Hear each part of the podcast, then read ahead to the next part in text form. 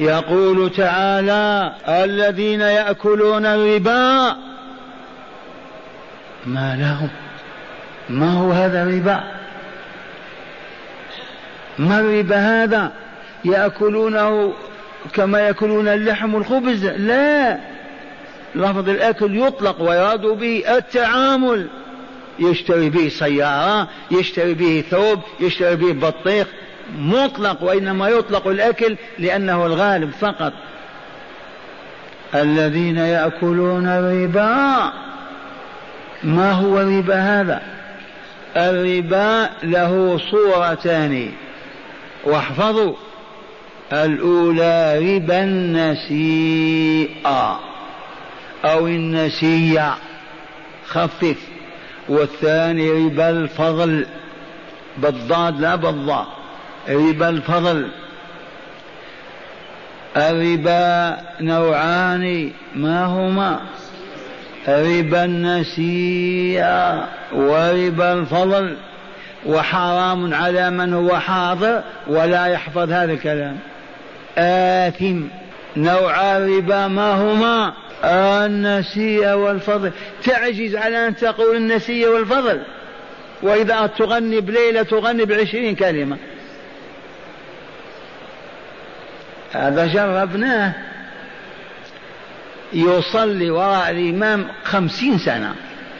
ما يحفظ الفاتحة. خمسين سنة ويصلي يقرأ ليلة في قريش ليلة فيهم. تبت يداي هبي لهبي انتبهتم؟ ويسمع أغنية من عاهرة يأتي بنفس اللحم والصغار لعلي واهم. إياكم أن تفهموا أن هذا الشيخ الذي يودعكم في آخر أيامه أنه يكذب في مسجد رسول الله. إياك أن تفهم هذا الفهم. إذا وهذه أم الفضل أم عبد الله بن عباس. قال صليت وراء رسول الله فقرأ في صلاة المغرب والمرسلات عرفا فحفظتها. ايتيني بأذكى الناس اليوم يسمع المرسلات ويعيد ويحفظها أعطيك مليار دولار.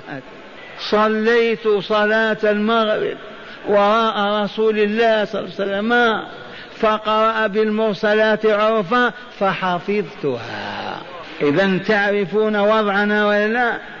وكم من شبيبتنا وشاباتنا يتغنون بأغاني العهر والباطل ويحفظون بنفس الألحان.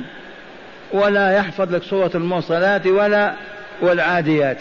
ما السر؟ ما فيه سر يعني؟ ما عندنا إلا الأسرار. ما سر ذلك؟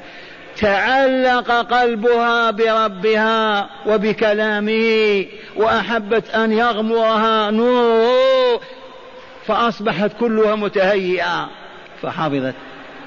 والذي غمره حب الزنا والفجر والباطل ما إن يسمع ذاك الصوت حتى يملأ قلبه ويفيض على لسانه وحواسه.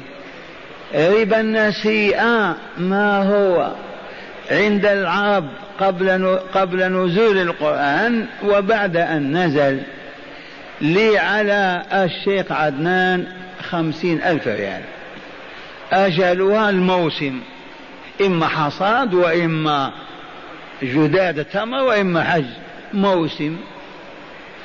لما يأتي الموسم وما يستطيع يقول يا شيخ أخرني وزد برضاه أجلني موسم آخر وزيد. هذا ربا النسيئة قلت وغضب الناس قالوا كيف؟ يقول ربا الجاهلية أفضل من ربا البنوك.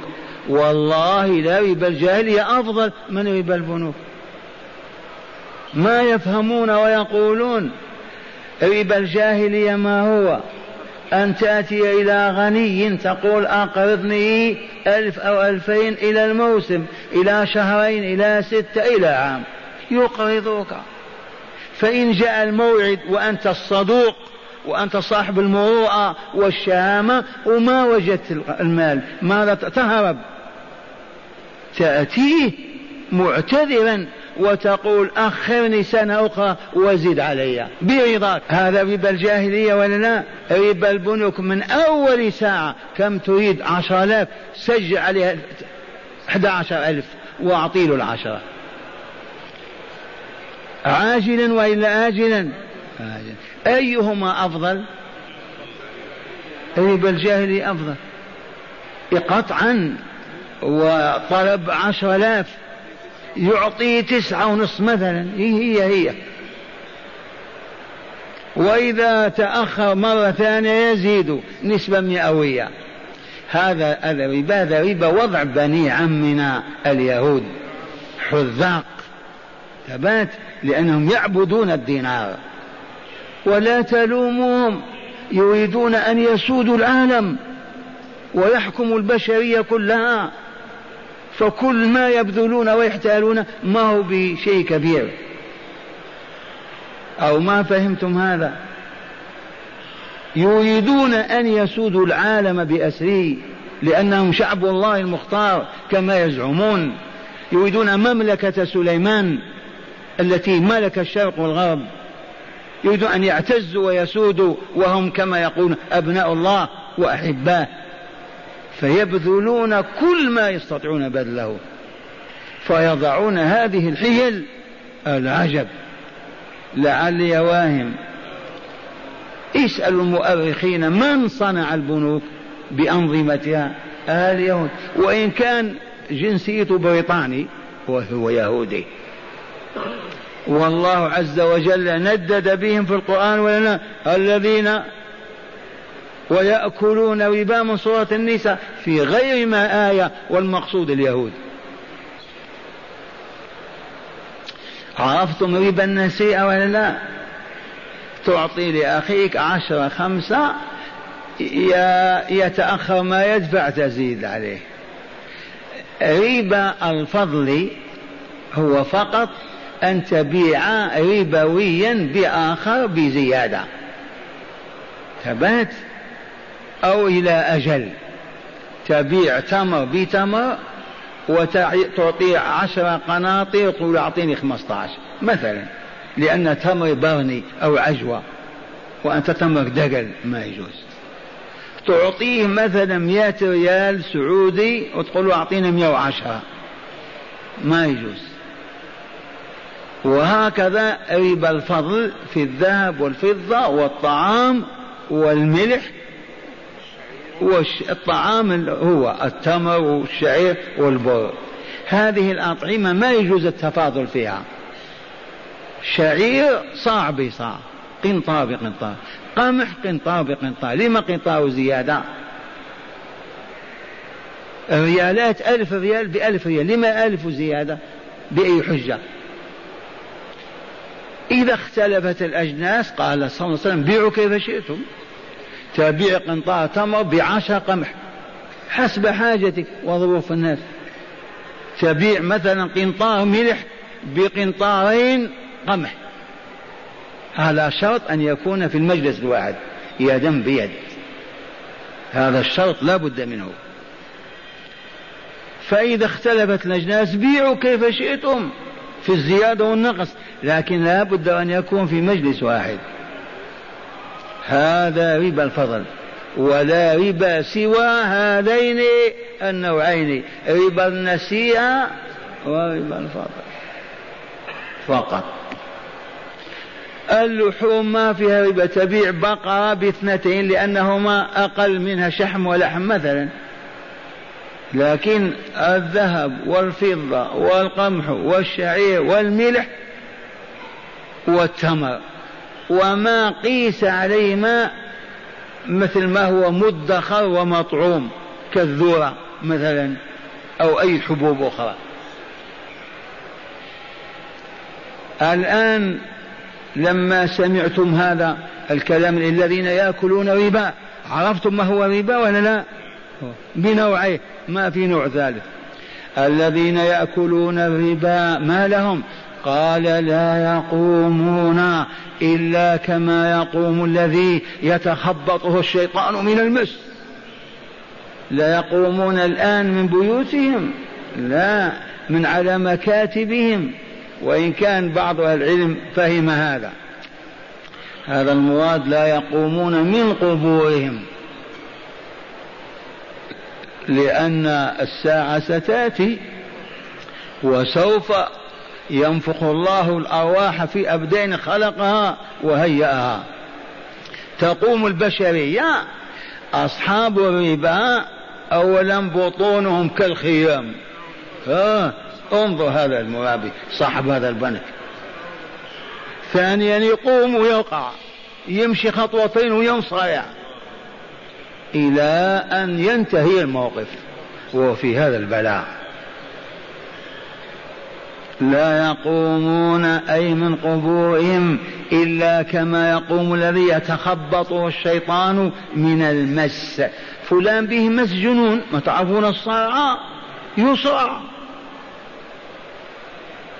وهذا واضح للعرب بالذات يشاهدونه. هذه محنة الصرع يصاب بها. سببها ماذا؟ الجن يمسه في قلبه في تيارات دمه ينصرع.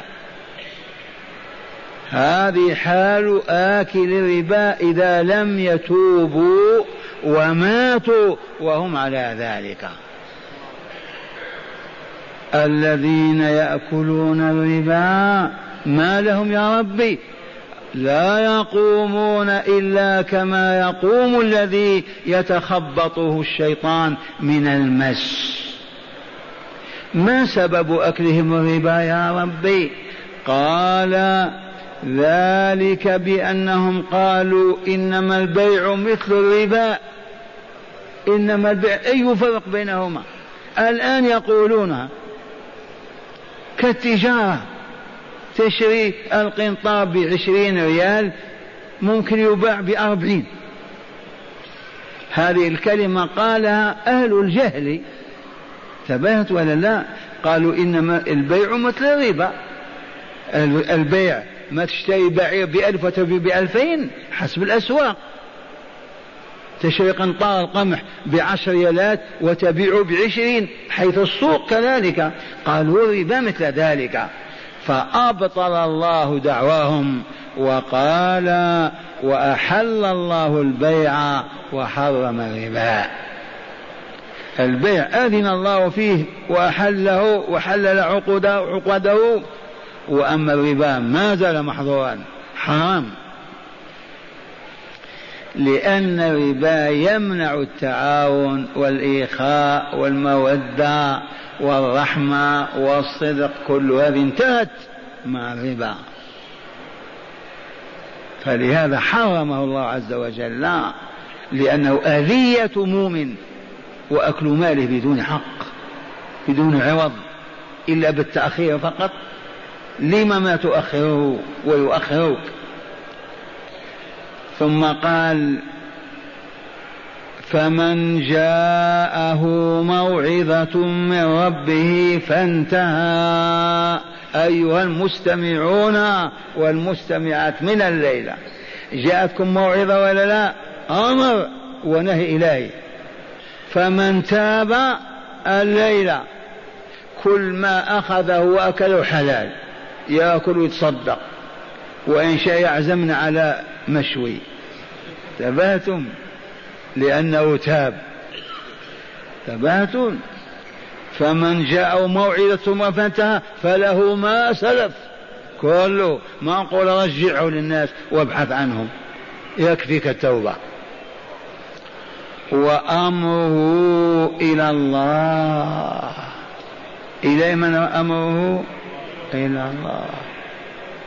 إن شاء وأخذ وإن شاء عفا. والظاهر أنه يعفو ويغفر. وإنما فقط يبقى الباب مفتوح لترتعد النفس وتضطرب. ما يطمئن يضحك. ثبات يجب أن يتوب بالبكاء والدموع والاستغفار وفعل الخيرات. ومن عاد فأولئك البعداء أصحاب النار هم فيها خالدون. هذا كلام الشيخ محمد عبد الوهاب أه؟ أو كلام الصوفية خرافة. هذا كلام الله عز وجل. من يعقب ومن عاد ورجع بعد أن تاب فأولئك أصحاب النار هم فيها خالدون. فلهذا لن تجد عبدا عرف وبكى واطرح بين يدي الله وترك الربا ثم يعود لن يعود. قل ما يعود. ومن عاد باب السجن مفتوح. فأولئك أصحاب النار هم فيها خالدون. هل هذا الكلام ما يفهمه المسلمون يعني؟ لو قرأوه وتدرسوا ما يفهمونه يفهمونه لو فهموه يعملون ربا والله ما يفعلون. لكن الجهل الظلم فالماشي في الظلام يتخبط ما يسلم ابدا من العثر والهلاك. هيا نعود إلى دراسة كتاب الله. كيف موجودة الجامعات والمدارس يا شيخ؟ لا. نريد أن نصدق ربنا في ايماننا به وبلقائه ونعمر بيوته بنسائنا وأطفالنا كل ليلة وطول العام. اليهود والنصارى إذا دقت الساعة السادسة ذهبوا إلى المقاهي إلى المراقص إلى المقاصف إلى دور اللهو إلى العهر ونحن أين نذهب؟ بيوت الرب. الله أكبر. الله أكبر. ارتفعنا سمونا.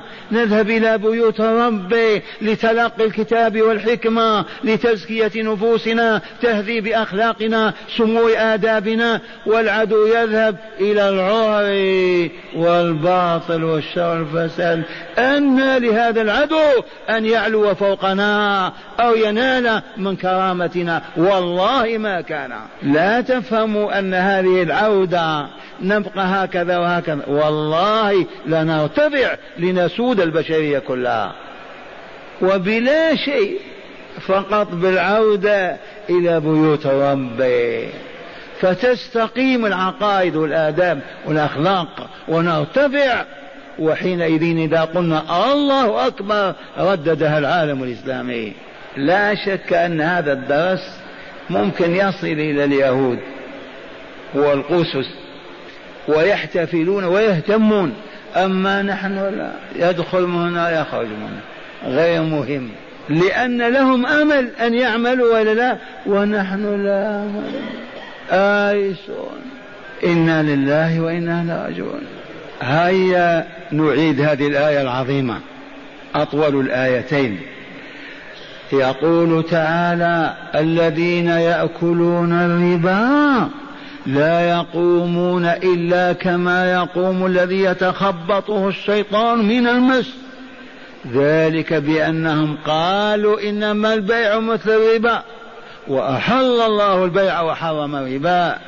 فمن جاءه موعظة من ربه فانتهى فله ما سلف وأمره إلى الله. ومن عاد فأولئك أصحاب النار هم فيها خالدون. هي الآية الثانية. قال يمحق الله الرداء. يسحقه يمحو. لا بركة فيه أبدا. ويربي الصدقات. الصدقات يربيها ينميها يرفعها حتى تربو كالجبال. والربي هذا وعد ممن؟ من القادر على أن يعطي ولا لا؟ يمحق الله الربا لا يبارك فيه أبدا. أولا أي بركة في مال تدخل به النار. أية بركة هذه مال لا يطيب نفسك ولا يزكي روحك. ولا تشعر بلذاذة الحياة في هذا مسحوق هذا. والصدقة ينميها الله كما أخبر رسول الله عز وجل. إذا تصدق المتصدق بصدقة وقعت في كف الرحمن عز وجل فيربيها له كما يربي أحدنا مهره ابن فرسه. يربي الصدقات والختام. والله لا يحب كل كفار أثيم. كفار جحود للنعم. يجحد الله وشرعه وقوانينه وما دعا إليه وما أمر به يتنكر له.